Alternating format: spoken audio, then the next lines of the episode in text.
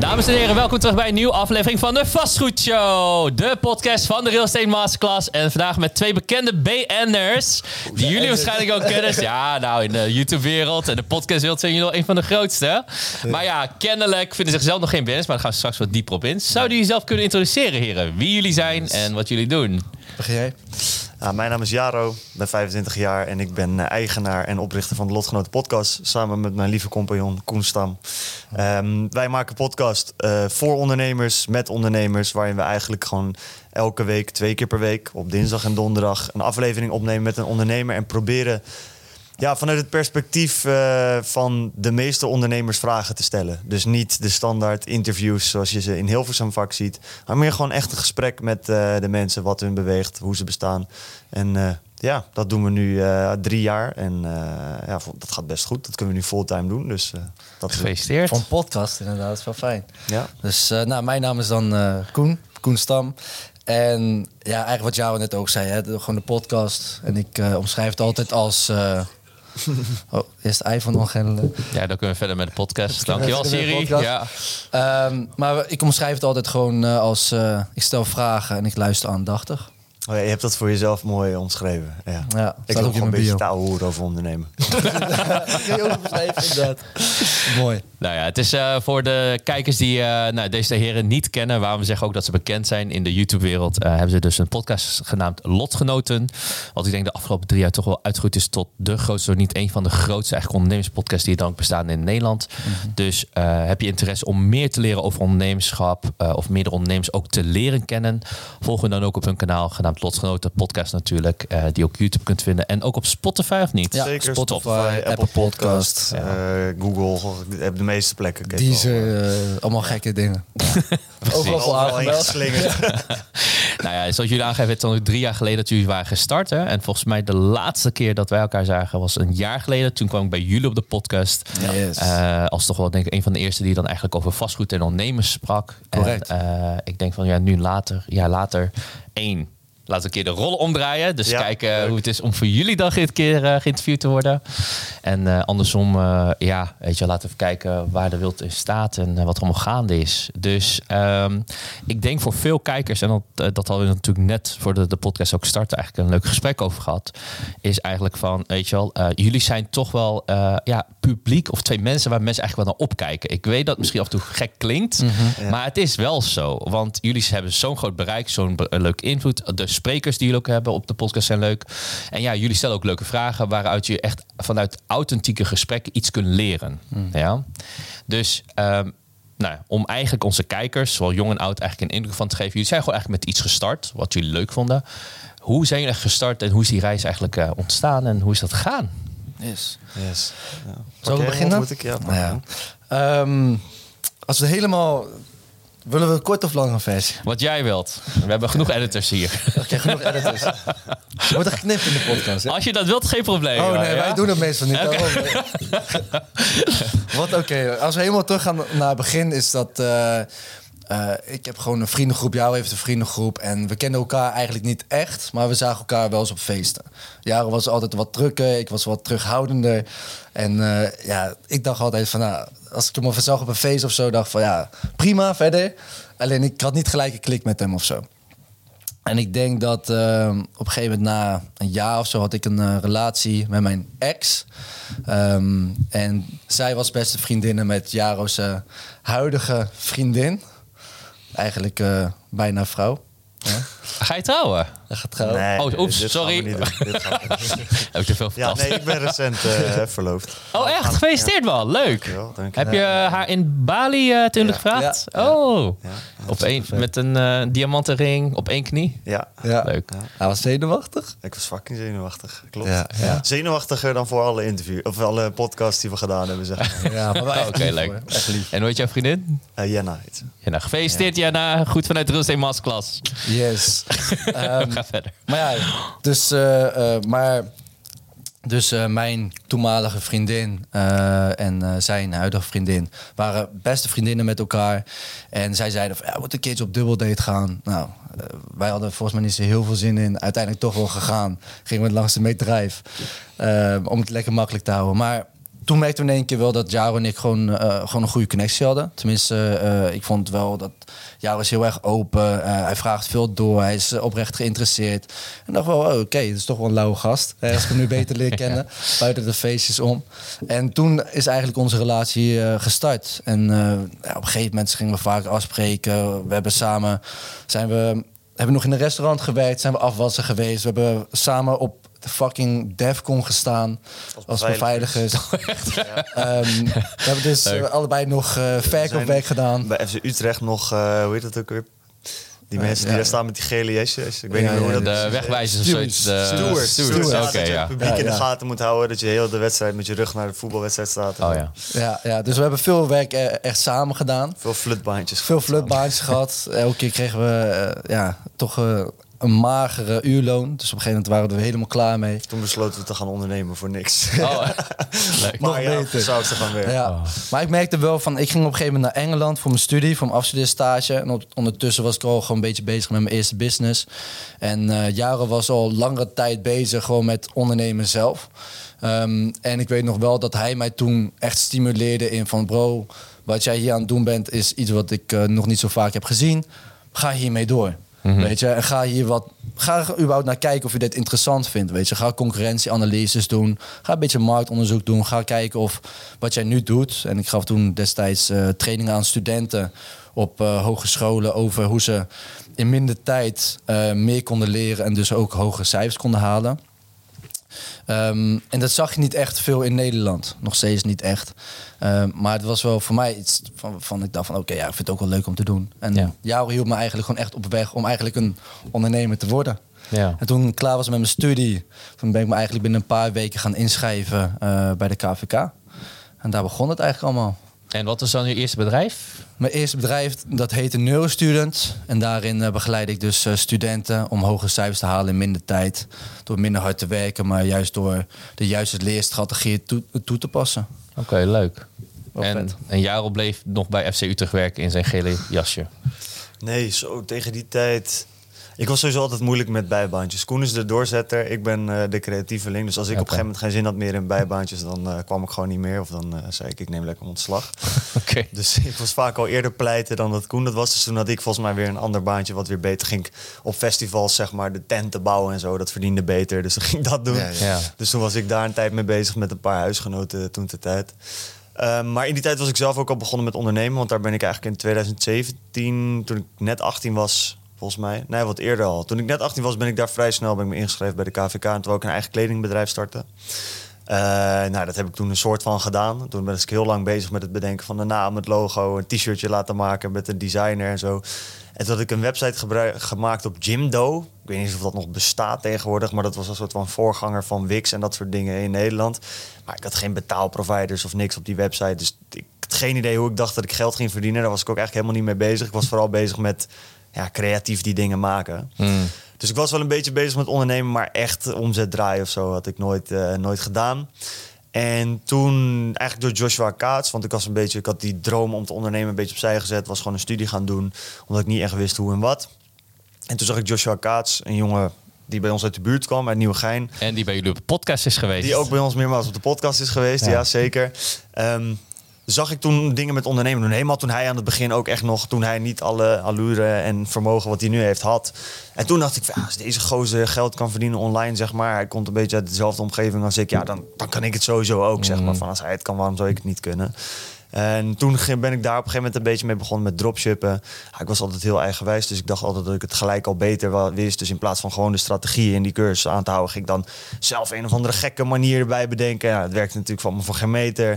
Dus daar op een gegeven moment dan weer het geld in gestopt, toch weer mee gestopt, want dat deed niet wat ik had verwacht. Nou, weer een paar maanden niks gedaan. En toen op een gegeven moment uh, nog een laatste keer echt met dropshippen begonnen.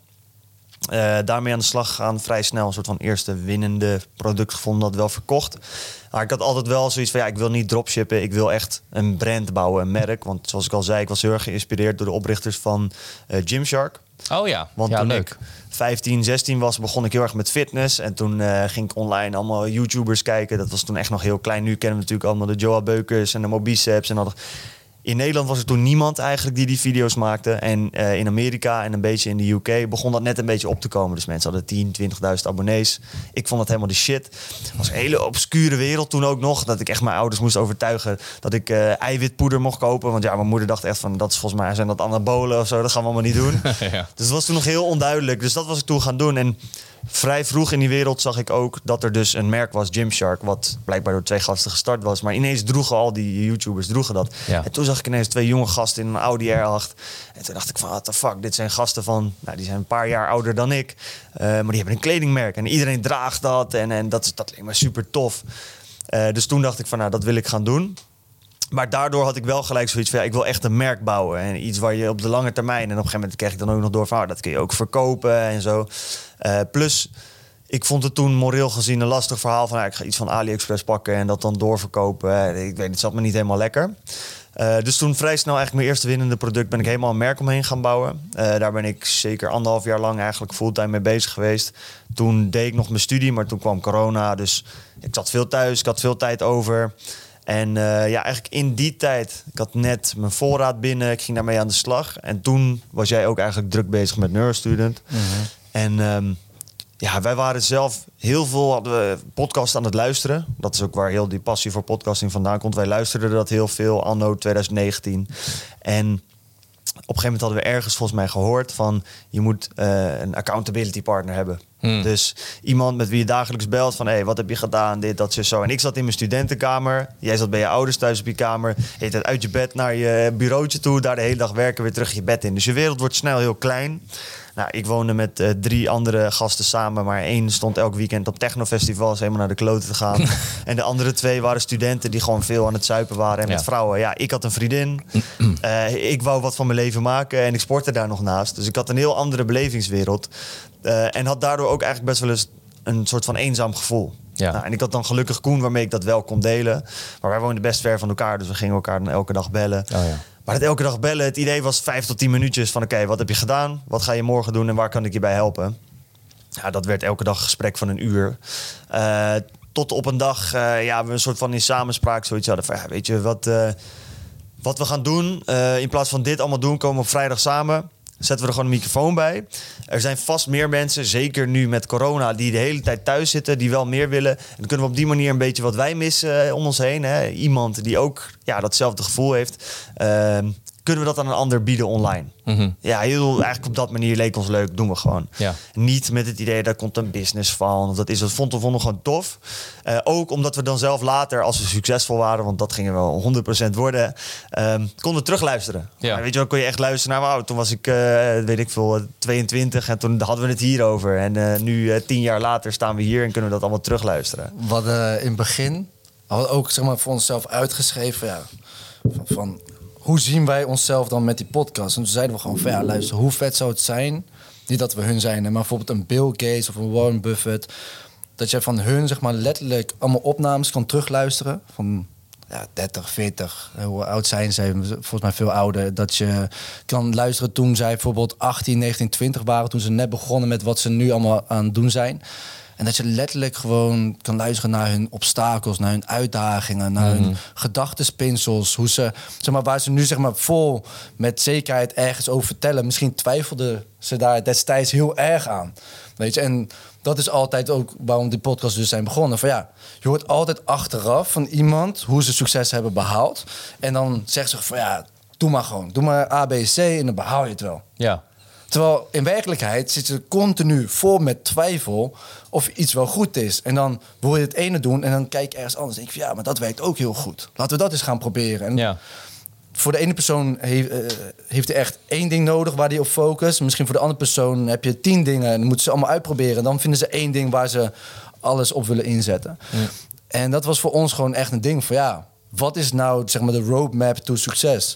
En- Vooral een realistisch beeld, denk ik, van de succesvolle ondernemer. Van, Ja, wat, hoe, wat de fuck speelt er nou in zo'n ondernemer? Je Ja. ziet niet zoveel. Nee, klopt. Maar joh, ben je wel eens onzeker? Van jij bent nu 100 miljoen waard, maar ben je wel eens onzeker? Ja, ik ben 100 procent. Juist. Ja, maar, dat, ja, ja. maar als je puur naar social media kijkt, Ja. in ieder geval zeker voor ons in die tijd hoe wij het interpreteerden, was het Ja. veel meer van ja, eh, ik sta elke dag om vijf uur op en ik ga in een koud bad en ik maak met altijd 100% zekerheid burn your chips. Nooit twijfelen aan jezelf. Ja. Ja. Ja, als iemand die succesvol is tegen mij zegt nooit twijfelen aan jezelf en ik twijfel aan mezelf. Ja, dan ga ik dus al twijfelen van, ja, misschien ben ik dan, ga ik niet succesvol worden, want ja, ik ervaar twijfel. Ja. En hij zegt, je moet nooit twijfel ervaren. Dus ik kreeg veel intern dialoog en conflict. En Ja. ja, wij dachten gewoon eigenlijk van, ja, wij willen in ieder geval vanuit ons laten zien van, dit is hoe wij het ervaren. Ja, Ja. precies. Bijvoorbeeld een tip, hè? Die, die dan vaak werd gegeven. Dan zag je overal op Instagram voorbij komen. CEO's lezen 52 boeken per jaar. Dus lees elke week een boek. Dan ga je elke week een boek lezen en dan denk je van ja, maar ja, je wilt ook wat met het boek gaan doen. Dus ga je een beetje toepassen. Maar ja, sommige boeken zijn eigenlijk ver boven jouw niveau. Dan ga je dat al toepassen. Terwijl eigenlijk de tijd die je daaraan spendeert, kan je beter gewoon lekker gewoon hoofd omlaag, gewoon werken aan waar je nu aan moet werken. Zorg gewoon dat je website staat, dat je verkoop gaat halen. Hou het simpel voor jezelf. En sommige boeken gaan veel te ver al in.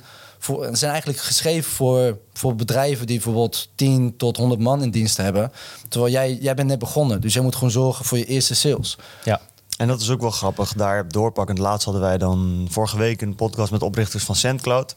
Eh, ja, een van de meest succesvolle startups in Nederland. Nu meer dan volgens mij een waardering van 600 of 700 miljoen.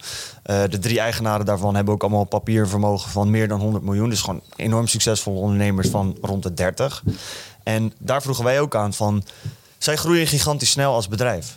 En hij zei in een ander, ander interview dat ik had gehoord van... je moet best vaak mensen ontslaan. Omdat de snelheid waarop jouw bedrijf ontwikkelt... dat de mensen die daarin werken niet snel genoeg mee ontwikkelen. Een goed punt. Ja. En toen had ik de vraag van ja, oké, dat is waar.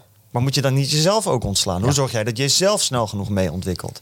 En toen kwam heel erg bij dat stuk wat Koen net noemt. Van ja, ga je dan veel boeken lezen, dit, dat. En zij zijn met z'n drieën. Dus je hebt drie heel andere profielen die daarop kijken. En eentje zei van nou, als ik bijvoorbeeld nu willen ze bedrijven over gaan nemen om zelf te groeien.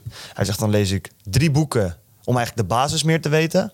Dan ga ik in mijn netwerk spreken met mensen die het gedaan hebben. Ja. En we nemen intern iemand aan die ons in dat proces gaat meenemen en begeleiden. Zeker. Oké, duidelijk. Maar een ander zei, ik lees nooit boeken. Ik heb een scheidhekel aan boeken lezen. Dat is helemaal niet mijn ding. Ik ga gewoon lullen met mensen die het gedaan hebben, et cetera. En daar zie je, alleen dat al is zo'n ding van... online lees ik 52 boeken. eh, Terwijl ondernemers, eh, dat is wat ik echt heel erg gerealiseerd heb. Eh, er is niet één profiel ondernemer. Nee. Als jij niet van lezen houdt, betekent dat niet dat je nooit succesvol gaat worden. Ja. Ehm, als jij wel heel erg van lezen houdt, maar de implementatie lastig vindt, dan is dat ook prima. Zeg maar, het is, er is niet één type profiel ondernemer. En ik vind het tof dat ik dat zelf heb kunnen realiseren door al die mensen te spreken. Maar dat ik dat hopelijk ook een beetje heb mee kunnen geven aan de mensen die zelf ondernemen. Van, het zit hem niet in of jij 's ochtends vroeg opstaat, of jij ijsbaden neemt, of jij 100 boeken per jaar leest. Dat boeit allemaal geen moer. Het ligt hem veel meer aan focus. Dat heb ik echt heel erg gemerkt. Focus, dat is goed, ja. Ja, en continue ontwikkeling. Het maakt geen fuck uit of je dingen fout doet of niet. Het is vijf tot tien jaar lang gefocust op één ding. Blijven proberen daar beter in te worden. En dat zie je ook heel veel. Tegenwoordig is iedereen, ik ga dropshippen. Oh, dat werkt een paar jaar. Oh, dit werkt nu niet meer zoals ik wil dat het werkt. Ik ga YouTube automation doen. En daarna is het crypto en dit. Terwijl de mensen die echt, echt heel succesvol worden, echt 100 miljoen plus aan vermogen, zie ik eigenlijk 9 van de 10 keer. Ze hebben één bedrijf, of dat nou verhuizingen regelen is, of zeecontainers verschepen. En die doen dat 10, 20, 30 jaar lang. Tot het moment dat het saai wordt. Tot het moment dat het niet leuk is. Het hoeft niet shiny te zijn. En dat zijn de mensen die heel ver komen. En dat vind ik interessant. Want dat is naar mijn mening heel anders dan wat je in de jonge online eh, communities eh, van ondernemen ziet. Ja. En ik vind het tof om dat zelf te kunnen ontdekken, maar ook om dat te kunnen delen. ja. Onbewust hebben we dat eigenlijk ook wel met de podcast gedaan. Met de podcast zeiden we eerst van oké, we gaan het tien weken uitproberen. Na tien weken, als we het niet leuk vinden, prima, stoppen we mee. Zijn nog even goede vrienden. Niet of er dan geen vrienden meer kunnen zijn. Maar na die tien weken, oké, als je zegt van luister, we vinden het allebei lauw, goed, maar dan gaan we het wel serieus aanpakken. En toen hebben we een afspraak gemaakt, eh, van, of tenminste, we hadden weer een podcast geluisterd. eh, en in de podcast zei die gast van luister, als je een podcast start, wat je moet doen, je beslist om een podcast eh, te gaan uitvoeren, dan doe je gewoon oogkleppen op en je gaat twee, we of twee jaar lang alleen maar podcast opnemen. En dan doe je oogkleppen weer af en je gaat om je heen kijken. En dan zie je wat voor progressie je hebt gemaakt. En dat was ook altijd mijn mentaliteit geweest. En ik Niet denk die dat, van mij. Niet die van jou. maar Creatievelingen. het is Ja, wel... Ik word helemaal gek van. Ja, maar ik denk dat dat wel bijvoorbeeld voor, eh, voor de meeste ondernemers die net beginnen een belangrijke keuze is. Van, zorg eerst dat jij bijvoorbeeld een proefperiode voor jezelf hebt om iets echt uit te proberen. En dat je dan een beslissing kan maken, vind ik het leuk, ja of nee. En dan maak je een besluit van luister, ik ga letterlijk gewoon een soort van jaar of twee jaren contract met mezelf afsluiten. Dat ik hieraan ga werken. Want dan krijg, krijg je tussentijds niet elke keer als het moeilijk wordt, de overweging van ja, maar ga ik hiermee stoppen? Misschien wil ik wel wat anders gaan doen. Want wij hebben ook wel gemerkt, het maakt niet uit wat je doet. Je moet gewoon iets kiezen, het consistent volhouden. Genoeg uren erin stoppen, zodat je de skills opbouwt. En vervolgens kan je daar gewoon succes in behalen. Zeker. En het irritant is dan wel weer dat wij op deze manier dan proberen de formule voor ondernemen plat te slaan. Ja, en dan spreek ik afgelopen weekend weer een jongen die zegt van ja, dat, ik hoor je, 100% mee eens. Maar die zei ook, ik ken ook iemand die heeft een jaar dropshippen gedaan, daarna YouTube automation. Alle modellen een beetje. En dan wel, dat is een heel belangrijk deel, alles wel winstgevend. En echt wel in een redelijke mate van succesvolheid gedaan. Dus dat is wel een belangrijk. Maar ook gewoon gehopt van links naar rechts. Uiteindelijk bij één model uitgekomen. Ja, en daar is hij nu multi-multimiljonair mee geworden. Dus ja, het hoppen kan ook wel weer werken. Ja, maar Dus het is gewoon je focusgebied of degene waar je echt van houdt, weet je. Je kunt experimenteren. Ja. Dat hebben jullie ook gedaan. Ja, Ja. zeker. Ja. Maar een belangrijke vraag, want dat hadden we ook voor de podcast besproken. Zien jullie zelf als, ook als ondernemers dan nu? Als ondernemer sowieso. Boven podcaster of influencer of BN'er, zo zeggen. Ja. Dat, dat soort dingen, eh, dat zou ik allemaal niet zijn. Ambieer ik ook totaal niet. Ja. We zijn toch eigenlijk vier uur per, be- per week bezig met podcasten. Ja. Maar de rest van de tijd... Hè, ja, wat doe je de rest van de tijd eigenlijk? binnenbanden aan het Dan zijn we aan het ondernemen. Ja. Snap je? Dan ben je echt bezig om ervoor te zorgen dat we zoveel, me- eh, zoveel mogelijk mensen bereiken met de podcast. En dat we zorgen dat het team structuur heeft en wordt aangestuurd. En dat we zo goed mogelijk presteren. Ja, en dat, het, dat er geld binnenkomt en dat we de partners goed onderhouden. Dat je... Uiteindelijk komt er best wel veel bij kijken. Ook veel meer dan wij hadden verwacht. Wij hebben ook begin dit jaar eigenlijk wel achteraf een beetje hals over kop. Ook weer een tip hè, van eh, als iets goed daad onder het mum van focus, wat levert het meest op? Podcast maken levert ons het meest op, want dat zorgt voor meer bereik. Ja. Nou, ga meer daarvan doen. Topplan. Wat ons doel? Vijf podcasts per week. Moet prima kunnen.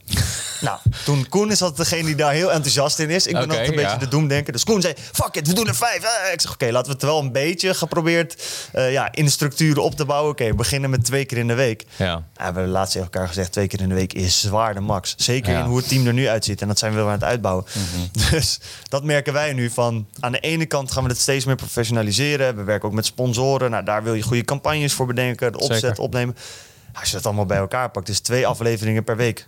Gasten plannen, opnemen, de productie regelen, alle marketing, iedereen op de juiste plek, de publicatie. Daarna weer de analyseren van de resultaten en het verslag geven naar de sponsoren, et cetera.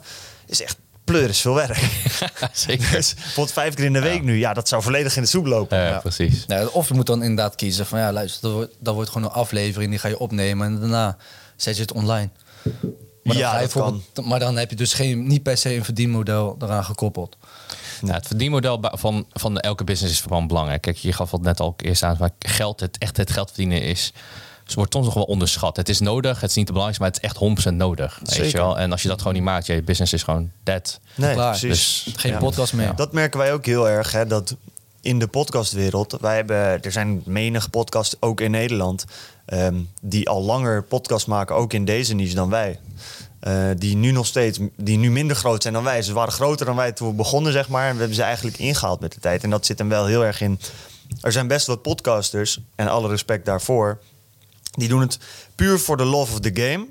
En die willen het precies maken zoals zij het voor zich zien. Ja. Dus een thumbnail moet op een bepaalde manier en een titel. En ze, ja, ik denk dat wij de perfecte combinatie hebben tussen met heel veel passie een gesprek hebben, maar er niet vies van zijn om als een commerciële slet vervolgens het proberen te verkopen, zodat zoveel mogelijk mensen het hebben. Ja, dat kan. Ik omschrijf het zelf altijd een beetje als een Trojaans paard. Ja. Ik heb liever dat ik jou met een beetje goedkope marketing en wat trucjes binnentrek, om vervolgens veel meer context te kunnen geven in een echt oprecht en authentiek gesprek. Ja. Dan dat ik zeg van ja, dit was het supermooiste gesprek en dit is de thumbnail, maar die thumbnail die, ja, dat gaat niet werken. Nee. En dat er veel minder mensen het horen. Ja. Ja, ik vind dat zonde. Zeker, zeker. Klinkt trouwens wel alsof je een beetje dropshipping marketingtechnieks hebt gebruikt hiervoor. Tuurlijk, dat zullen mensen ook zien. Wij gebruiken vaak bedragen, eh, bepaalde dingen uitvergroten, et cetera. We, kijken naar Mr. Beast. Ja, Mr. Beast is, is op de meest sensationele manier titels bedenken en, en dingen neerzetten. Maar daarna wel duizend mensen helpen met een oogoperatie. Ja. Ja, en dan kun je zeggen, ja, het is goedkoop commercieel gehoereer. Maar aan de andere kant had hij die duizend mensen niet kunnen helpen... als hij niet de sponsors daaraan kon verbinden door dat commerciële gedoe. Zeker. Dus ik vind juist die balans daartussen zoeken, vind ik leuk. Soms Ja. lastig, maar wel leuk. En wat is jullie businessmodel nou, als ik het zo heel cru mag zeggen? Want eh, Lotgenoten is waar jullie bekend om staan. Ja. Nogmaals, heel veel invloed kennen jullie. Dat weet ik echt al zeker. In mijn omgeving kennen ze. Zelfs de camera, de stagiaires die hier eh, zitten, die kent jullie. Die is vast bij Ja. jullie in dienst gaan. Omdat ze hè, dichter bij Lotgenoten wil zijn. Dus heeft echt wel een tractie. Ja. Maar wat is dan de business van Lotgenoten? Eh, ja, wij verschepen kook vanuit Colombia eigenlijk. Je doet het wel via Rusland nu, hè? Oh ja. Ja, veel Rusland. En dat is heel handig met al die mensen in de DM. Dan kun je makkelijk Ja, precies. kan je Weet je, dat, de douaneambtenaar die jou volgt en de politieagent. Ja, ja, ja, ja. Nee, ehm, ja, het bestaat eigenlijk uit verschillende facetten. En hoe ik het eigenlijk tegenwoordig het meest omschrijf... is, we zijn eigenlijk gewoon een mediabedrijf. Ja. Net zoals een, eh, een RTL of whatever. Je hebt een aantal formats. En in die formats kun je vervolgens advertentieruimte verkopen. Eh, zo simpel is het, als je het helemaal plat slaat. Ehm, alleen het gekke wat wij hebben is, wij zijn zelf het format. Ja. En het persoon, want meestal bijvoorbeeld nemen een, een John de Mol, die bedenkt het, zet er een ander in, dus die is daar zelf niet bij verbonden. Nou, we hebben Precies. een beetje heel leuk, maar tegelijk ondernemerstechnisch niet heel handig onszelf er heel erg aan verbonden. Ja. Nou, dan hebben we gewoon ehm, samenwerkingen die we doen. Eh, dus enerzijds kan dat op commissiebasis zijn. Dus eh, we werken met iemand die een software heeft of een cursus of whatever. Nou, we bekijken dat, vinden we dat tof, hebben we wat met die ondernemer. Gaan we met hen in gesprek en aan het eind kunnen we dan een call to action doen van... Hey, vind je dit nou interessant na anderhalf uur na te geluisterd hebben? Dan hebben wij een mooi aanbod voor je, daar krijgen wij een percentage over. Ehm, Daarnaast hebben we sponsoren waar we mee samenwerken. Mensen hebben allemaal wel eh, de, de partijen gezien, denk ik, in de afleveringen die wel eens langskomen. Nou, daar hetzelfde verhaal. Als wij potentie zien in onze doelgroep voor dat bedrijf, zelf dankbaar bedrijf, gebruik maken van dat bedrijf of daar eh, dat interessant vinden. Ehm, en iets zien waar we dus echt daadwerkelijk de luisteraar ook wat interessants mee kunnen bieden. Nou, dan kunnen we daar een koppeling in maken. Nou, daar kun je dan gewoon advertentiefees, eh, campagnes omheen bouwen waarvoor betaald krijgen. Eh, en je hebt nog een stukje YouTube AdSense. Ja, Ja. Dat is gewoon heel simpel. De advertenties op YouTube, daar krijg je Ja. wat geld voor. Maar dat is niet een vetpot. En hoe wil je dit schalen dan? Want als het om jullie draait, is het natuurlijk moeilijk om te schalen. Dat is een hele goede vraag. uitdaging. En dat is waar wij momenteel druk mee bezig zijn. Is ehm, eigenlijk wat er nu staat veel meer op zichzelf laten draaien. Dus we hebben nu inmiddels ook een, ja, wij noemen het een podcast manager. Eh, meer om een wat algemener beeld ervan te creëren, noem ik het vaak een COO. Ja. Dus, dus echt een operations manager, wat meer toch? Dat is wel een beetje. Die gaat gewoon veel van de operaties die wij nu uitvoeren. eerder een CEO dan een podcast manager. Maar we hebben Ja, precies. Maar we hebben dat toen podcast manager genoemd. En als je, als je een vacature op COO schrijft, dan krijg je straks ja, mensen aan de deur die eh, dat matcht niet. Maar dat is eigenlijk wat het is, een COO. En daar gaan wij op alle vlakken waar het mogelijk is, proberen zoveel mogelijk afstand te nemen van het bedrijf. Om te kijken hoe erg kunnen we dit op zichzelf laten draaien. Dat wij Precies. eigenlijk op een gegeven moment alleen het talent zijn. Net als John de Mol eigenlijk dus een format opzet, daar een talent in zet. Nou, en dat talent eh, moet dan zijn ding doen, maar is niet per se ook daarna nog bezig met de publicatie en de marketing, et cetera. Dus dat is de eerste stap om het een meer op zichzelf functionerend bedrijf te krijgen. Ja. Dan hebben wij ook meer tijd. Eh, en dan, ja, we hebben eh, duizend ideeën wat er dan kan gaan gebeuren. Ja, wil je nieuwe formats gaan maken waar je misschien een ander in kan doen? Nou, wat ik dan altijd denk van, nou, laten we eerst een extra format voor onszelf maken. Om te kijken, kunnen wij succesvol formats bedenken? Want heel eerlijk, ja, wij hebben nu één succesvol format bedenkt, bedacht. Maar dat kan puur geluk geweest zijn. Ja, kan ook. Dus, nou ja, dus dat zouden we dan kunnen testen met onszelf. Nou, kunnen we dat? Nee, kunnen we dan een format bedenken waar een ander in kan? En gelijk op aansluiten, dat kan ook imposter syndrome zijn, wat je net hebt gezegd. Dat zou zeker ook Dat kunnen. hebben we ook al besproken. Ja. Ja, ja zeker. Dat, dat zou heel goed kunnen. Dus, dus dat is een kant die je op zou kunnen gaan, waardoor je dan echt een mediabedrijf gaat bouwen. Ja. Waarin er misschien allemaal formats rondom ondernemen of zelfontwikkeling komen. En de andere kant die je op kunt gaan is gewoon eh, wat als je allemaal andere platformen op gaat kopen. En hetzelfde trucje dat wij voor lotgenoten doet voor andere soorten platformen. Nou, dan kun je daar een. Ja, de community die we bouwen, wat kunnen we daar aan doen? Kunnen we daar een verdienmodel omheen bouwen? Ja, je kunt duizend kanten op. Het is voor ons nu vooral belangrijk om een stukje afstand te kunnen nemen uit het bedrijf dat nu staat. Eh, daardoor denkruimte te creëren voor onszelf. Want Ja. we zijn nu erg veel bezig in de, de uitvoerende taken, ja, ja. operationeel. Eh, en daarna weer echt gaan denken, samen om tafel, slimme mensen om ons heen verzamelen. En eh, ja, vooral ook de mensen die kijken of luisteren, daar input van verzamelen. Van ja, wat zouden jullie tof vinden? Dus jullie mogen ze allemaal een DM sturen via Instagram, just in case. Dit is de uitnodiging. Jaren wel, eh, jaren wel. Ja. Ja, ik zie, ik reageer. Ik ben degene die reageert. Ik zag account. ik, we hadden toevallig de, de leuke anekdote van mij twee weken geleden zouden we eigenlijk de podcast opnemen. En ik dacht, oh, waarom zit jij in het vliegtuig eigenlijk? Dacht ik, en ik appte jou dus via de Instagram. En het is gewoon echt Jaro die reageert, weet je wel? Niemand zit erachter gewoon. Het is echt Jaro. Nee. Ja. Het resultaat is wel dat we daardoor soms wat minder kunnen reageren op DM's. Sommige DM's gaan er inmiddels gewoon, ja, glippen er gewoon tussenuit. Ja. Dat het gewoon te veel is. Anderzijds, eh, ja, wij voelen er weinig voor om een eh, appointment setter of zo, of iemand daarop te zetten. Dat, Snap eh. Ja. dus ja, als je geen reactie krijgt op de DM, sorry, probeer het nog een keer. Maar dat is wel belangrijk. eh, dat zeggen we altijd van luister, alles wat je op Google kan vinden, hoef je niet te, de- niet te DM'en. Ja, dat is wel, soms krijg Dus je wel dat is wel, eh, vragen dat ik denk, ja. Dus daarmee meer van inderdaad, van als je dan een DM stuurt, we, we, we houden ervan om te reageren, maar we moeten wel, we moeten wel Weet je welke ik het allermooist vind? Dat zijn DM's. Dat is, dan denk ik, daar heb ik geen eens antwoord op. hey, jongens, aflevering 35. Hebben jullie dat over een bepaald boek? Welk boek was dat ook alweer? Ik aflevering 35, dat is, dat is 2,5, 3 jaar geleden. Weet ik veel. Ja, we kregen vandaag ook nog een mail van iemand, ook over zoiets. Van ja, jongens, jullie zouden nog beloven om nog een link te sturen van een aflevering ging over dit en dit. En toen dacht ik over, ja, leuk, maar ik weet niet welke aflevering het is. Wat de titel daarvan is. Ik weet niet eens wat je naam is. Maar je wilt wel een bepaalde link hebben. En die moet blijkbaar ergens staan. Dus Ja, dat is ook wel een leuke les over van alles wat je op het internet zet, zegt, blijf daar voor eeuwig. Ja, je, dat is waar. Ja, stuur ons een DM, dan geven we je het nummer van die en die. Want die deed wat fulfillment of zo over mij. En dan krijg je daar nu, ja, ja, dat dan was krijg je daar nu bericht over. Dan denk ik, zo, ik weet niet eens of die gozer dat nog doet. Dus jij zegt nu drie jaar inderdaad- geleden. Dus jij zegt nu stuur een DM. Dan zeg van ja, prima, beter over twee geen jaar DM. eens rennen met. DM. Hè? Je komt van Dan de zegt dat jou reageert wel. Want ja, gewoon- hoge kwaliteit DM's mogen ze sturen. Ja, ja, dus waarbij ze input Ja. leveren of je bedrijf kunt structureren Ja. en uitgroeien. Ja. Ja, ik denk, ehm, je had het net over schalen. Ik denk dat onze belangrijkste uitdaging wel zit in dat we... We kunnen makkelijker schalen als we het concept meer gaan uitmelken. Alleen, we hebben ook als een van onze kernwaarden dat we authentiek willen blijven. En dat we altijd een win-win situatie willen vormen. Mhm. Anders ja, ben je gewoon op korte termijn bezig en daar bouw je niet echt een, eh, een, echt een liefdevol publiek op. Nee. Niet op de lange termijn. Ehm, Ja, en ik denk ook waar wij gewoon heel veel op gestuurd hebben altijd. Het zit ons gewoon niet goed. Nee. Het voelt gewoon niet goed. Daar hebben we geen zin Nee. in. Tuurlijk, hè, je wil de, de doelgroep niet na en zo, maar ook... Ja, het voelt gewoon niet als iets wat ik wil doen, dus fuck it. Ja, je wilt Goed. iets bouwen waar je zeg maar liefde Waar je voor trots hebt, op bent. toch? Waar je Ja. trots op bent, waar je over... Kijk, in het hele begin zeiden ja, wanneer tegen elkaar van luister, wat, wat, wil, wat willen we nou echt?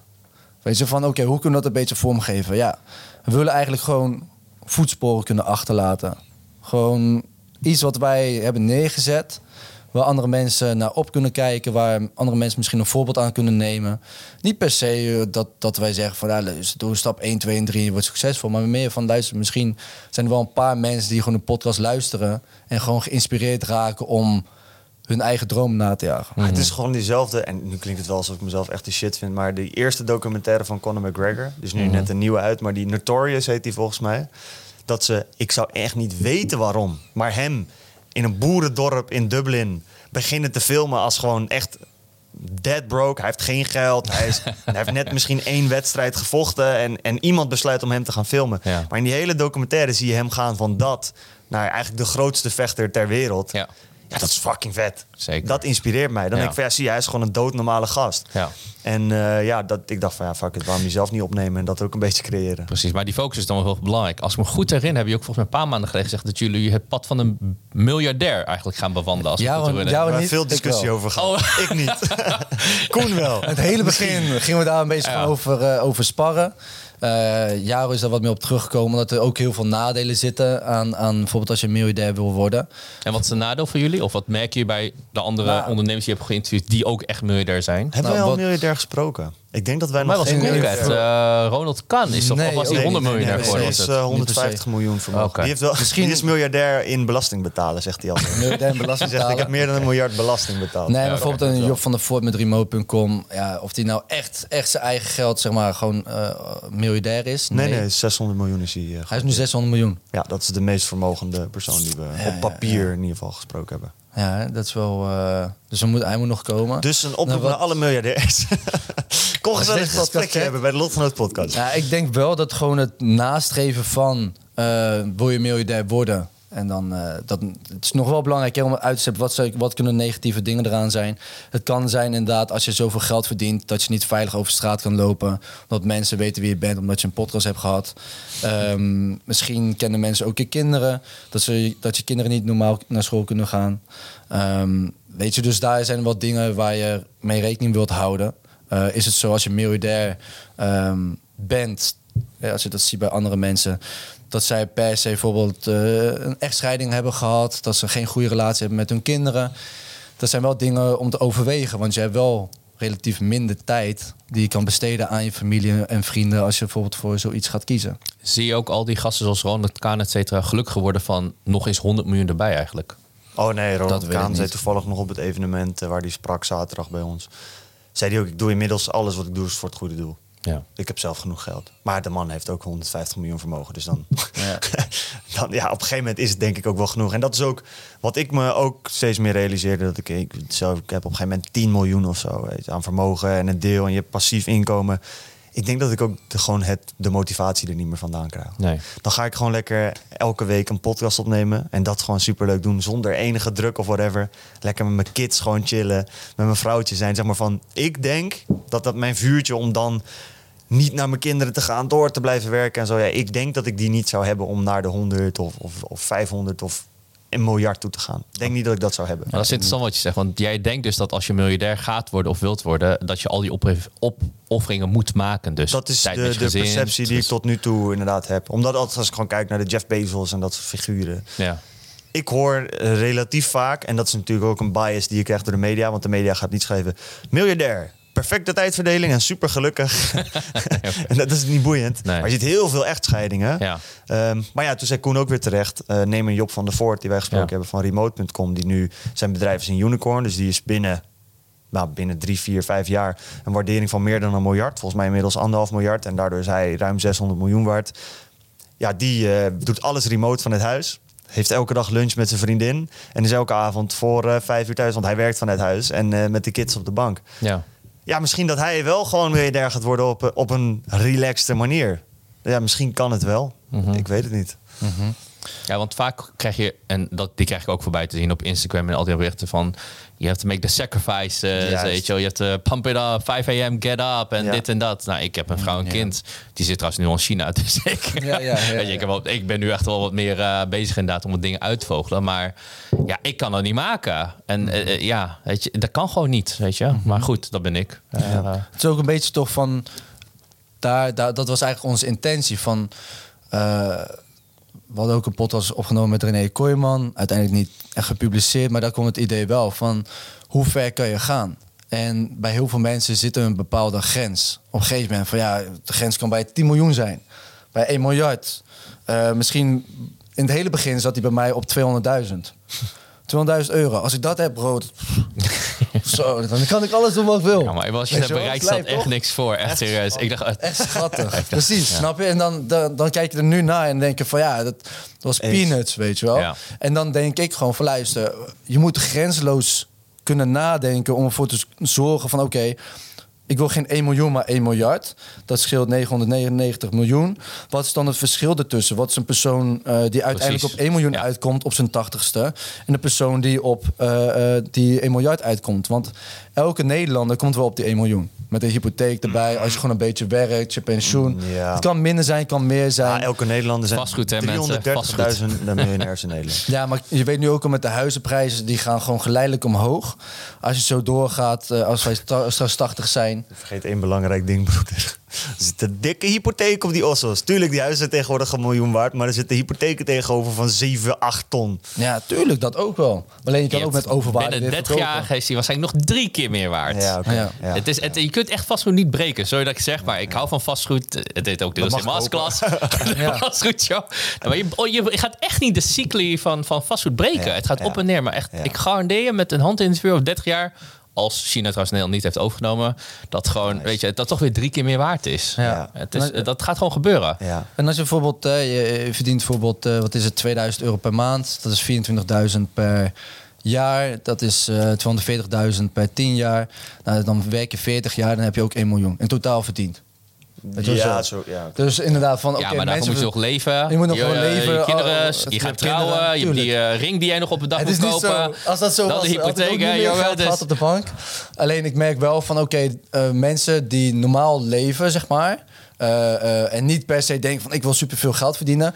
die komen ook al in de range van, oké, ooit alles bij elkaar hebben ze wel 1 miljoen in bezit gehad. Ja, het vermogen van een miljoen Ja, maar- is inmiddels Dus niet, het is eh, normaal geworden. is- dus het, ja, het is om, normaal. om miljonair te worden is niet meer echt Nee, miljonair, bijzonder. miljonair is nu middenklasse. Sorry dat ik het zeg, maar het miljoen, een miljonair zijn is echt middenklasse nu in Nederland. Serieus. Wat jij re- recent op was nog papier, laten we dat even Ja, goed, nee, oké, eh, op papier. Op je op, op, is een ander verhaal. Dat is een maar ander verhaal, maar papier. echt op papier, een miljoen is echt de nieuwe Ja. middenklasse. Dat ervaar ik steeds meer. We hebben een hele coachesteam. Iedereen is gewoon fucking miljonair. Het zijn allemaal jong gasten van 24, 25, is dat gewoon geworden. Allemaal balis. Allemaal, baas. allemaal panden, ja. Toevallig allemaal bij jou, hè? ja we hebben best wel wat mensen getraind. Ja, Ja, ja, ja. inderdaad. Dus, Ja, dat is ook wel interessant, want dat merk ik ook. Van over, er zijn mensen die dit horen, van iedereen kan miljonair worden, die daadwerkelijk boos worden als ze dat soort dingen horen. Ik bedoel, nou, media, dit, dat soort Ja. dingen. Eh, de vastgoedbaas heeft het sowieso altijd gedaan. noem je mij de vastgoedbaas? Nou ja, mensen die in vastgoed zitten noemen ze altijd ja, pandjes, huisjesmelkers, pandjesbazen. Het, hoe ze het noemen, het Ja. heeft altijd een slechte connotatie. Ook omdat het te, ha- te g- het gaat met het geld. En dat merk ik wel ook heel erg dat in Nederland, en ik denk wereldwijd wel, mensen hebben echt een hele, niet eens een slechte relatie met geld. Geen relatie met geld.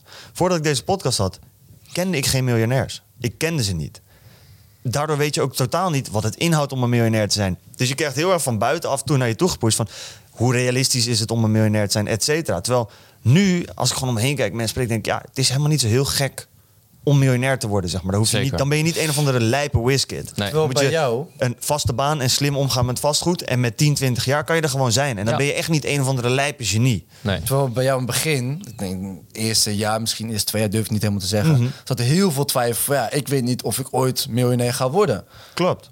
En ik denk dat dat ook zeg maar de message is die wij gewoon in de podcast uitbrengen. Van ja, wij hebben in het begin onze eigen beperkende overtuigingen gehad en geloven.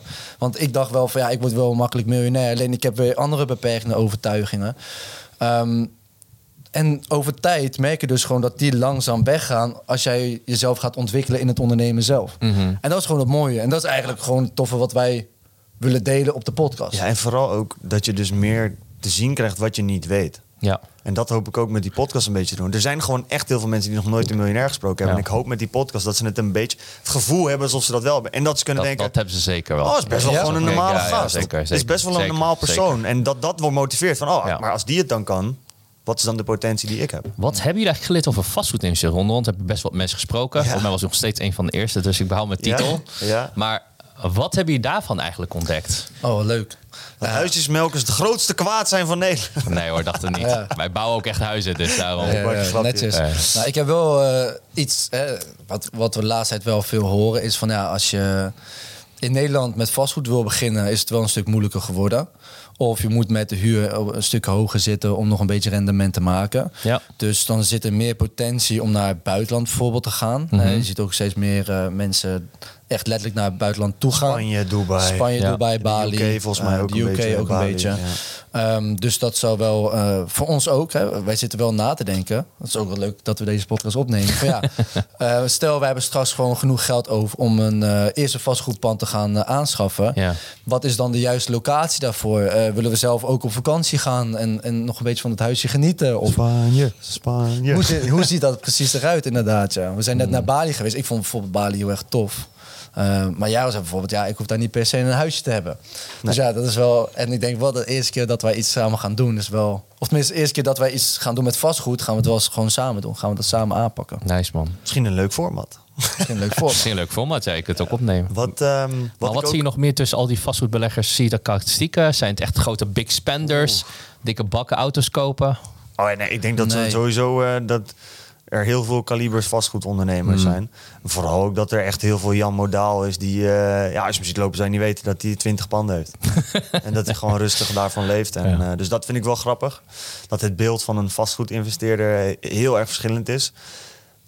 Ja, wat, ik vooral, wat ik zelf bijvoorbeeld heel erg geleerd heb, maar dat is dan meer echt heel specifiek.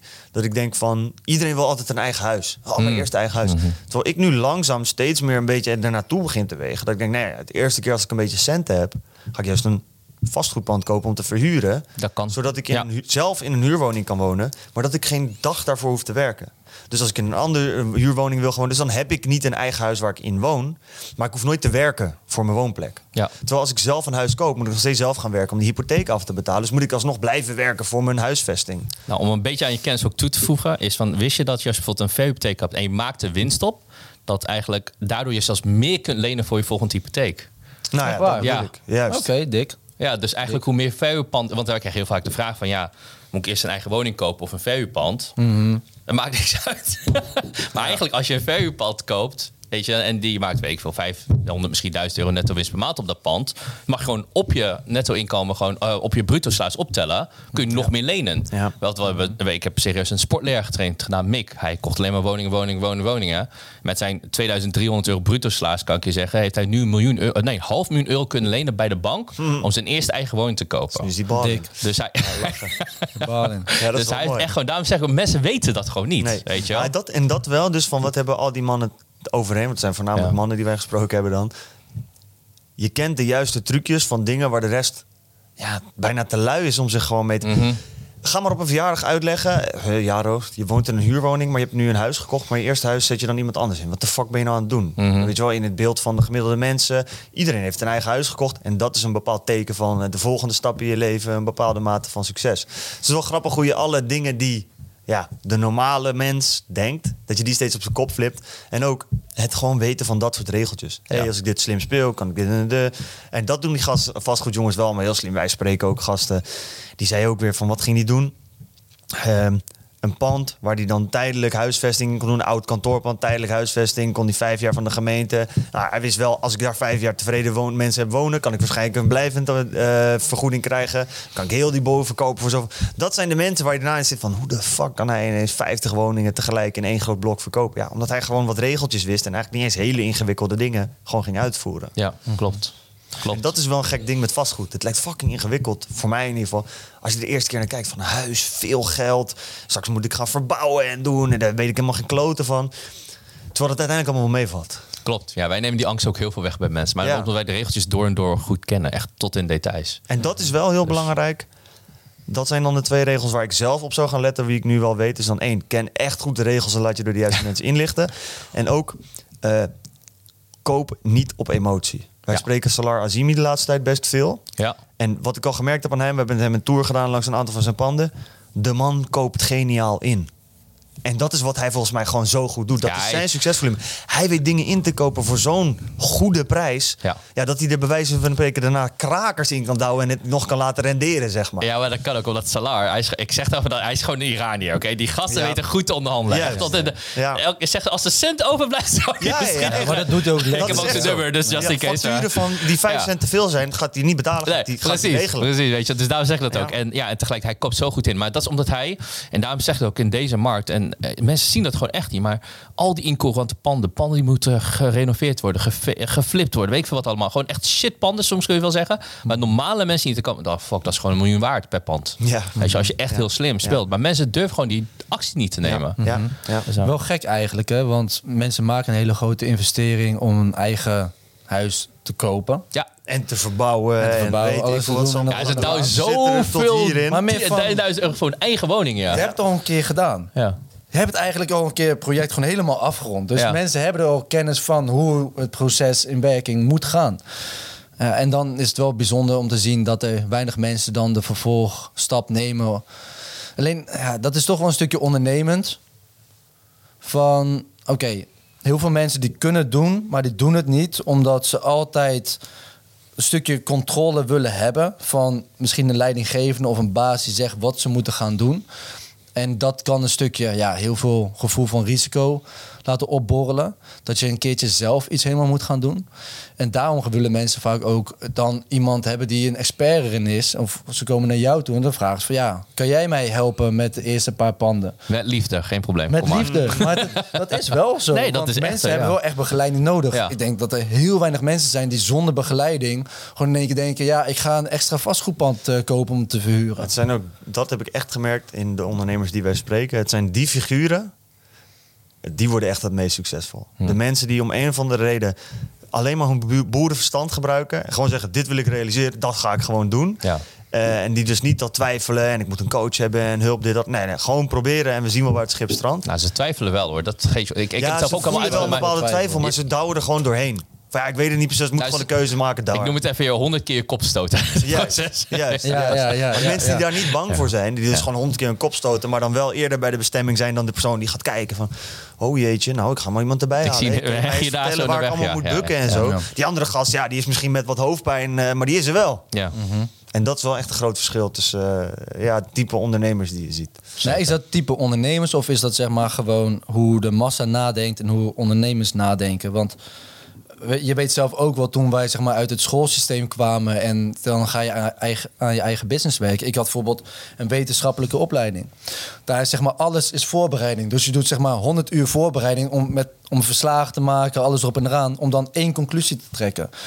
Weet je, terwijl met ondernemen wil je eigenlijk zo min mogelijk nadenken, alleen de essentiële informatie hebben en dan gelijk actie ondernemen, zorgen dat jij die volgende stap neemt, even om je heen kijkt, dan weer een beetje iets doen en dan weer de volgende stap neemt. Beginnend ondernemer. Dat is wel heel belangrijk. Dat merken wij ook wel steeds meer. Want dat is denk ik ook waarom het op de universiteit op die manier wordt aangeleerd. In de corporate wereld, waar je 100, 500, 600, 1000 man in het bedrijf hebt zitten, dan wordt het weer meer wat jij had. Vooronderzoek, eh, dingen, forecast, dit, dat, dat. En dan weer veel meer uit overweging keuzes maken. Maar inderdaad voor beginnend ondernemers en beginnend ondernemers echt tot 30 man in je bedrijf, dan is het veel meer wat jij zegt. Gewoon doen. En dat is heel anders dan wat je in het schoolsysteem leert. Ja. Nou ja, voor, bijvoorbeeld, voor nu bijvoorbeeld, eh, voor, om een persoon aan te nemen, je doet gewoon de research wat je hebt om zo goed mogelijk voor te bereiden en dan ga je gewoon starten. Juist, Dus tuurlijk. gewoon, gewoon knallen. Maar meer bijvoorbeeld als we die gasten van SandCloud spreken. Bij hun is het weer veel meer als zij de nieuwe CEO aannemen. Ja, dan gaat een leidproces aan, heel veel vooronderzoek. Ja, maar Dan dat risico is zo groot. Hè. Je hebt de psychologische testen, je hebt de board of directors die naar elkaar, op een andere C-level moeten. Zeker. De oprichters moeten langs, de aandeelhouders. Ja, tuurlijk. Het is Dus gewoon dan ga je een weer veel meer zeker, terug zeker, naar hoe zeker. je op school werkt. Ja. Alleen inderdaad als startend ondernemer, ja. Nee, Het is gewoon doen. Het is Laat gewoon gaan. doen. Ja. Ja. het is functioneel, functioneel research doen. Dat is meer. Van, eh, een voorbeeld wat je inderdaad zegt met Sabi en eh, met, eh, met Rob, met SendCloud. Ja, wij merken het ook, toch? Je bouwt het over tijd weer op. Je weet gewoon in sommige gebieden, dan moet je gewoon gas geven. Je weet niet hoe het gaat lopen. Je doet gewoon een beetje research en dan ga je gas geven. En wat, eh, wat ik ook wel heb gemerkt, is gewoon echt een goede coach hebben. Die ook kan begeleiden.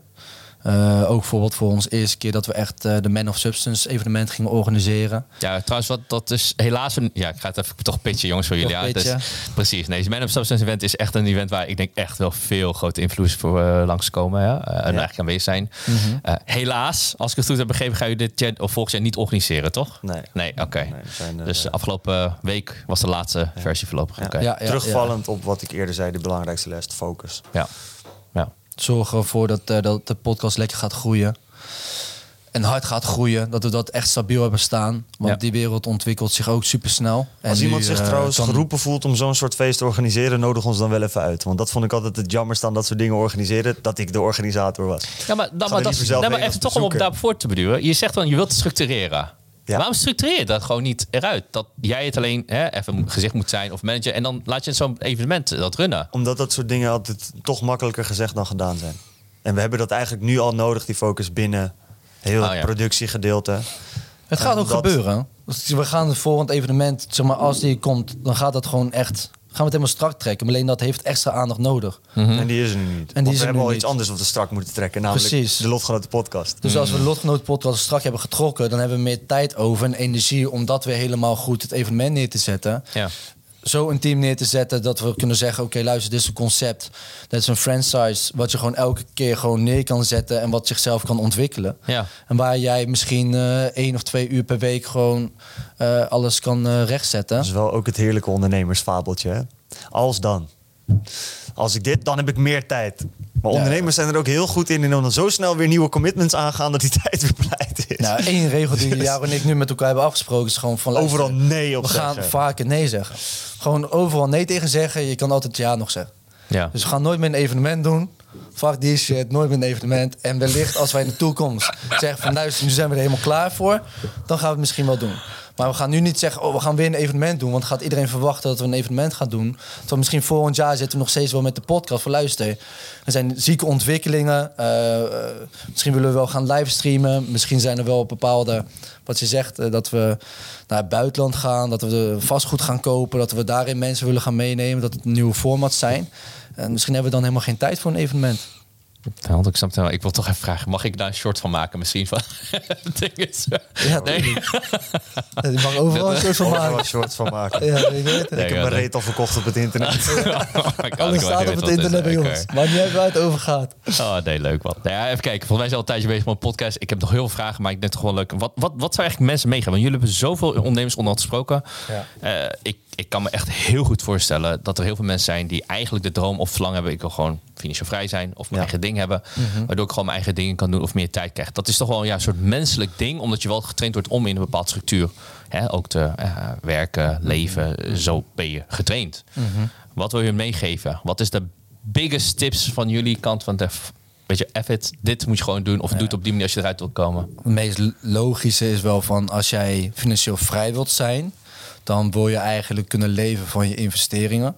Dus zorg dat je investeringen elke maand jou het geld geven waarmee jij kan leven. Ja. Eh, daarvoor hoef je eigenlijk niet per se een ondernemer te zijn. Daar kun je ook gewoon eh, nog steeds een 9 tot 5 baan voor hebben. En ik denk dat dat ook eh, soms ook gewoon de beste oplossing is. Want als ik terugkijk op onze ondernemersjourney, de eerste twee jaar eh, verdienen we sowieso al helemaal niks. En moet je alles terug eh, gaan Ja. investeren. Dus daarin moet je een belangrijke keuze maken. Als je echt wat uit het ondernemen wil halen en daardoor financieel vrij wilt zijn, dan kan dat binnen het ondernemen. Maar er is een grote kans dat het in de eerste paar jaar nog zeker niet gaat gebeuren.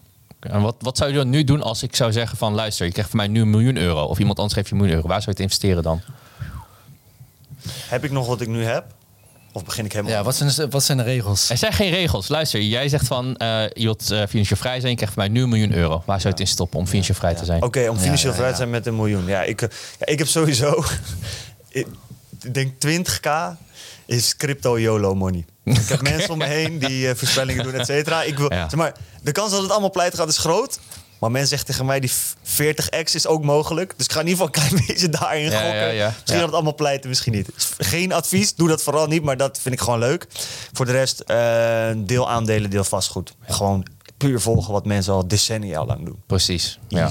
Dus jij zou eigenlijk 20k dus crypto's, 980.000 splitsen in tweeën, vastgoed en waarschijnlijk aandelen. Ja. En daarmee zou je nog gewoon financieel vrij zijn. Dan, you're done. En een klein beetje, Ja. dan ga ik ook op dat moment dieper in al die markten. Dus hoe de verdeling exact gaat zijn. Misschien wat meer vastgoed, minder, whatever. Eén ding weet ik wel, want dat heb ik wel goed opgelet. Ik ga niet allemaal, zeg maar, de maand dat ik het heb, alle panden kopen. Nee, dan ga ik gewoon rustig Stap aankopen om met de markt mee te gaan. Ja. Hetzelfde voor aandelen. Ja. Dus dat wel. En ja, that's it eigenlijk. Heel saai. En voor jou? Ehm, vergelijkbaar. Koen gaat ik naar denk casino, dat met 1 alles op miljoen 36. dat je wel eh, heel veel vastgoedpanden kan kopen. Helemaal als je weer ergens een hypotheek opneemt. Nou, dat kan je wel uitrekenen hoeveel... eh Zeker, je kunt ongeveer 5 miljoen euro vastgoed kopen. 5 miljoen euro. Ja, ik Nou, zou ook met dat hypotheken is, werken. eh, Laat ik dat even voorop stellen. Met, dus met hypotheken werken, locatie zou ik dan nog inderdaad eh, nog gewoon goed research naar doen. Eh, van oké, waar wil ik per se vastgoed hebben?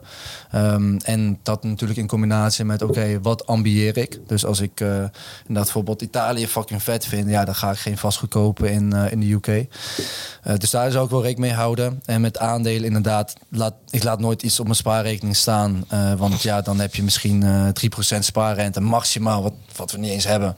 Eh, en de inflatie is ook gemiddeld 3, eh, 3% terwijl eh, in 2022 was het 11,6%. Dus dat is, eh, ja, dat is niet te doen. En als je dan gaat ehm, eh, investeren, ja, hoop ik wel gewoon dat je een rendement hebt van ongeveer 10% per jaar. Ja, dat doen al onze cursisten. In vastgoed investeren haal je echt wel makkelijk. Ja. Ja. Dus daarin zou ik wel een verdeling maken. Wat voor verdeling weet ik nog niet, afhankelijk van het rendement wat ik kan halen. Helder, helder. Nee, En ik zou denk ik nog 20 rug of zo gewoon opzij zetten op spaarrekening. voor je Anders vriendin. Koen. Nee, gewoon voor als op een gegeven moment alles in elkaar flikkert, kunnen we nog x aantal maanden gewoon Mijn vriendin krijgt niks dus. Mijn vriendin woont waarschijnlijk bij mij thuis, et cetera. ik ben nu verloofd, hè, wat voor mij is, is van haar. Nou, daar is gezien. alles wat je, niet. In, in het huidige systeem, als je gaat trouwen, eh, alles voor het huwelijk, Ja, is het eh, 50-50? Oh, snel. Maar ik zou gewoon voor haar zorgen. Dat is de standaard zit dat erin. Ik ga haar niet een Ja. bedrag geven of zo. Dat is zomaar stress voor haar. Ja, ja, ik kan ja. beter twee, drie vastgoedpanden op haar naam kopen of zo. Ik denk het ook, ja. En dat is ook wel belangrijk. En met zo'n miljoen het is misschien wel handig, hè, strategisch kijkend, om misschien eh 100.000 gewoon apart te hebben. En daar misschien nog ander soort investering eh, voor eh, te gebruiken. Misschien eh, in de podcast ook zelf. Weet je, daar heb ik nu niet aan gedacht. Maar misschien willen we wel sneller gaan groeien. Maar en ik ben Eh, een dan heb je angsthaas. geen investeerder nodig. Ik ga steady, zeg maar, dan waarschijnlijk gewoon niet de gekste rendementen maken, maar wel van de rest van mijn leven erop renderen. Koen heeft over een jaar dan 100 miljoen of niks meer. Dat is een beetje de verdeling. Jij zal wel nee, veel risicovolle erin knallen. En ik, Ik denk nee, toch hetzelfde. niet? Nee, nee, ik zou gewoon zelf erin staan. Ik Alleen dacht, ik jij denk- gaat die, 100, die miljoen flippen naar een miljard. Oh zo. Maar ik denk als, als wij nu al een miljoen hebben, dan, eh, en wij hebben de podcast daarnaast, dan kan je dat, eh, dan heb je nog tot je tachtigste bro. Dan, eh, dan hebben we nog Ja, maar dat, 55 jaar bro. Ja, maar dat is dus een heel belangrijk les. Ik weet nog wel dat Grant Cardone ook vroeg aan die Shark Tank investors. weet je, allemaal van, ja, als je een miljoen nu van mij krijgt, je moet helemaal starten met investeren. Waar zou het eigenlijk in douwen? Vastgoed, zei ze allemaal. Ja. Vastgoed geeft je echt gewoon vrije tijd. Ja. Weet je, als je binnenkomt, waar maak ik nog zorgen over? Ja, Mhm, precies. Ja, ja. Ja, en dan kun je nog zelf verder bouwen. Ja, dus onbe- onbewust hebben jullie dat allebei gezegd eigenlijk. Dat vind ik best grappig om altijd dan eh, ondernemers te vragen. Waar zou je, ah ja, als je een miljoen opnieuw krijgt, en je moet helemaal opnieuw starten, waar zou je het eigenlijk in stoppen? Moet ik wel zeggen dat het kan zijn als de boel ontwikkelt. Hè, stel je voor, je bent verder in een bedrijf. Als je daar echt een goede case in hebt, dat je ook gewoon vijf ton in je bedrijf mietert. Nee, dat tuurlijk, hebben wij nu nog tuurlijk, niet. Dus dat zou tuurlijk, nog wel tuurlijk, een interessante eh, optie Nee, maar zijn. je, je hebt verschillende as- asset class. Weet je, nog een jaar geleden toen ik bij jullie op de podcast kwam, ik zei toch gewoon, ik wil ook gewoon leren investeren in het bedrijf. En dat heb ik gewoon gedaan. Ja. je, Het is gewoon een hele leuke ervaring om dat een keer te Ja, doen, hoe dat allemaal werkt. Ja. Dus, eh, maar goed, dat is niet voor deze podcast. Nee. Nee, nee, nee. wat, zijn, wat, zei, wat zou jij dan doen met 1 miljoen? Ik zou waarschijnlijk het meeste geld echt al in vastgoed stoppen. Kijk, want als ik weer ondernemer wil worden, dan gaat het echt van in het begin om tijd, tijd, tijdcommitment. Je hebt gewoon tijdcommitment nodig. Ik wil niet dat ik een vrouw en kind thuis heb zitten. En ja, wat de fuck is ons inkomen? Weet je, ik koop gewoon vijf van die panden, komt gewoon geld binnen. Luister, we zijn gewoon gedekt. Schat, misschien leven we nog niet het meest luxe leven dat we hebben. Of het leven dat we zouden willen hebben. Maar het maakt niks uit. I've taken care of my family. Ja. En dan kan ik de tijd vrijmaken om te husselen. En van husselen bouw je dan een klein bedrijf. Van daaruit ga je dan opbouwen. Ik kan wel ook echt stop, geld stoppen in aandelen. Dat kan trouwens. Ja. Dus daar ben ik ook niet op tegen. Je kunt ook een dividendportfolio opmaken. Alleen waar ik dan gek van word, is de prijs gaan omlaag of omhoog, omlaag, omhoog. En je krijgt vast wat dividend. Maar ik word er gewoon gek van waarschijnlijk. Weet je, dus ik, ik koop alleen dan waarschijnlijk iets op de aandelenmarkt als het echt dik beneden de marktwaarde is. Met een goede dividendbeleid. Eh, weet je, Coca-Cola is iets wat ik in de gaten wil houden. Maar goed, dat is niet echt gecrashed in corona. Dus maar, het is een hele goede dividendaandeel trouwens. En eh, ook eh, AT&T. Maar eh, dat is eigenlijk meer mijn redenatie. Ik wil gewoon stabiele cashflow hebben, zodat mijn gezin in orde is. En dan kan ik weer gaan husselen. Weet je, Ja. bouwen, bouwen, bouwen, bouwen, bouwen, bouwen. Weet je, en dat bedoel ik dus van vaak zie je ondernemers die zeggen van ja, ik wil gewoon echt die rust hebben wanneer ik dan ook eh, opnieuw zou starten. Wil je nog een huis in het buitenland? Eh, voor, om te wonen bedoel je? Nou, misschien een paar weekjes per jaar. Misschien een paar maanden per Ja, jaar. ik, ik, ik, ja, ik, ik vind dat veel. Ja, klinkt heel stom, maar het is echt een Nederlandse eh, begrip om te denken van ja, ik wil een huis in het buitenland hebben eigenlijk. Eh, als je kijkt naar. Het Nederlands een regenachtig kutland is. nou ja, ik, ik, ik kom er gewoon af en toe achter, omdat ik afgelopen maanden, eh, maand in of maand uit, zeg maar, tussen Azië en eh, Nederland vlieg, is het gewoon van. Het is gewoon een hele andere wereld dan mensen je kunnen voorstellen. ik, Ja. ik geef een voorbeeld. In Nederland hebben wij het over burn-out. Ja, dat is een term in onze taal dat wij hier gebruiken. Ik heb ook een burn-out gehad, dus ik ben bewust van wat dat betekent. Maar en, en ik kan niet in het Chinees vertalen. Het, e- de, mijn beste vertaling voor een burn-out is van... Mama, papa, ik heb te hard gewerkt. Weet je, dat is mijn beste vertaling. Dat woord bestaat gewoon niet. Chinezen weten niet wat een burn-out is, om even dat aan te geven. Dus, En dan heb je over het Nederlands die praten over van... Ja, ik werk te hard. Ja, goed. Er is, het, weet je, het, het is heel moeilijk om bepaalde eh, concepten of contexten soms ook mee te geven aan een andere cultuur. Dat is wel grappig. Dus- Want als je in eh, Europa kijkt, naar de meer mediterrane culturen, Ja. die kijken weer naar Nederland. Van luister, jullie zijn helemaal gek. Jullie werken fucking veel, dus even relaxed. Ja, maar dat, is, dat zijn de Mediterranen inderdaad. Alleen Ja. wat je zegt, de perceptie van... eh, of niet per se de perceptie. Wat je zegt bijvoorbeeld... eh, Ik wist niet dat ze in China ook geen woord ervoor hadden. Maar je hebt ook bepaalde Afrikaanse landen... hebben ze ook geen woorden ervoor. Ja. Maar mensen hebben daar dus ook gewoon... eigenlijk bijna of geen last van burn-outs. Omdat Het bestaat niet in de het taal. bestaat niet. Dus dan kan je het ook eigenlijk letterlijk Ja, het niet bestaat gewoon Denk je niet. dat ze in China Het geen burn-outs hebben dan? Denk je dat dat het is? Nou, ik, ik, ik, kan niet, ik kan geval niet iemand bedenken die een burn-out heeft. Of die iemand ooit tegen mij heeft gezegd: Ik heb een burn-out. Ik ben misschien moe. Ik heb misschien te hard gewerkt. Ik neem twee dagen pauze. Maar het bestaat gewoon niet in de taal. Want je hebt Ja. natuurlijk wel toch een bepaalde mate van burn-out. Dat je echt als je te ver pusht, dat je gewoon dat je oud gaat. Of Tuurlijk. maar dat je echt Tuurlijk, dat kan, fysieke maar- klachten krijgt. Zeker. Maar dat taal, de, het woord burn-out, bestaat echt niet. Misschien hebben ze een andere naam. Dan noemen ze poes. eh. Nee, dat niet. Dan, bij ons zeggen ze wel, ja, hij heeft gewoon te hard gewerkt, hij moet slapen. Ja, dan ga ik drie dagen slapen. Moe. Ja, Dus ja. je Ja, ik ben gewoon moe. Weet je? En dan hoor je dus van ja, burn-out van Nederland. Ja, ik, Mhm. Toen ik mijn burn-out kreeg, ik belde mijn moeder. En ik zei van, weet je, of mijn moeder belde van, ja, maar ik heb te hard gewerkt. Ik kon echt geen woord bedenken van, maar ik heb, ik heb een burn-out. Dat begreep ze niet. Het, be- het bestaat niet. Het is echt gewoon een Nederlands woord. Kijk, wat jij bedoelt is van... mensen kunnen letterlijk een burn-out hebben... maar dan heb je geen woord ervoor, dan heb je dat wel. Ja, maar je ook hebt de symptomen. Maar andersom heb je ook van... ehm, omdat mensen vaak zeggen van... oh, ik voel wel dat ik tegen een burn-out aan zit. Want als je dat vaak zegt, zit het in je gedachten... en dan ga je eigenlijk die sy- symptomen ook bij jezelf opwekken... omdat je eigenlijk die taal hebt ontwikkeld. Als je zeg maar, die woorden daarvoor niet kent... heb je ook minder snel die resultaten daarvan. Ik heb geen idee, man. Zeg maar, Ja, ik het is gewoon letterlijk een ding. Gewoon, eh, ik, ik heb ooit psychologie gehad en dan ook over, eh, over talen en zo gehad. Ze zeggen gewoon, ja, als je bepaalde woorden of vocabulaire niet hebt, dan uit je jezelf ook anders. Dan- Precies. Dan, gedraag je je anders. En dan heeft het ook een heel ander zwaar gewicht. Weet je, net Ja, als ja. het woord chaos is in Nederlandse taal bijvoorbeeld, ehm, ja, hoe zeg ik dat? Negatief geladen. Negatief. In Chinees is het, waar zijn de opportunities? Ja. Weet je, ik denk van ja, dat, dat is het. Hoe meer chaos bijvoorbeeld ontstaat, zo staan in in Nederlands vastgoed. Ik denk van, waar klagen soms Nederlands over?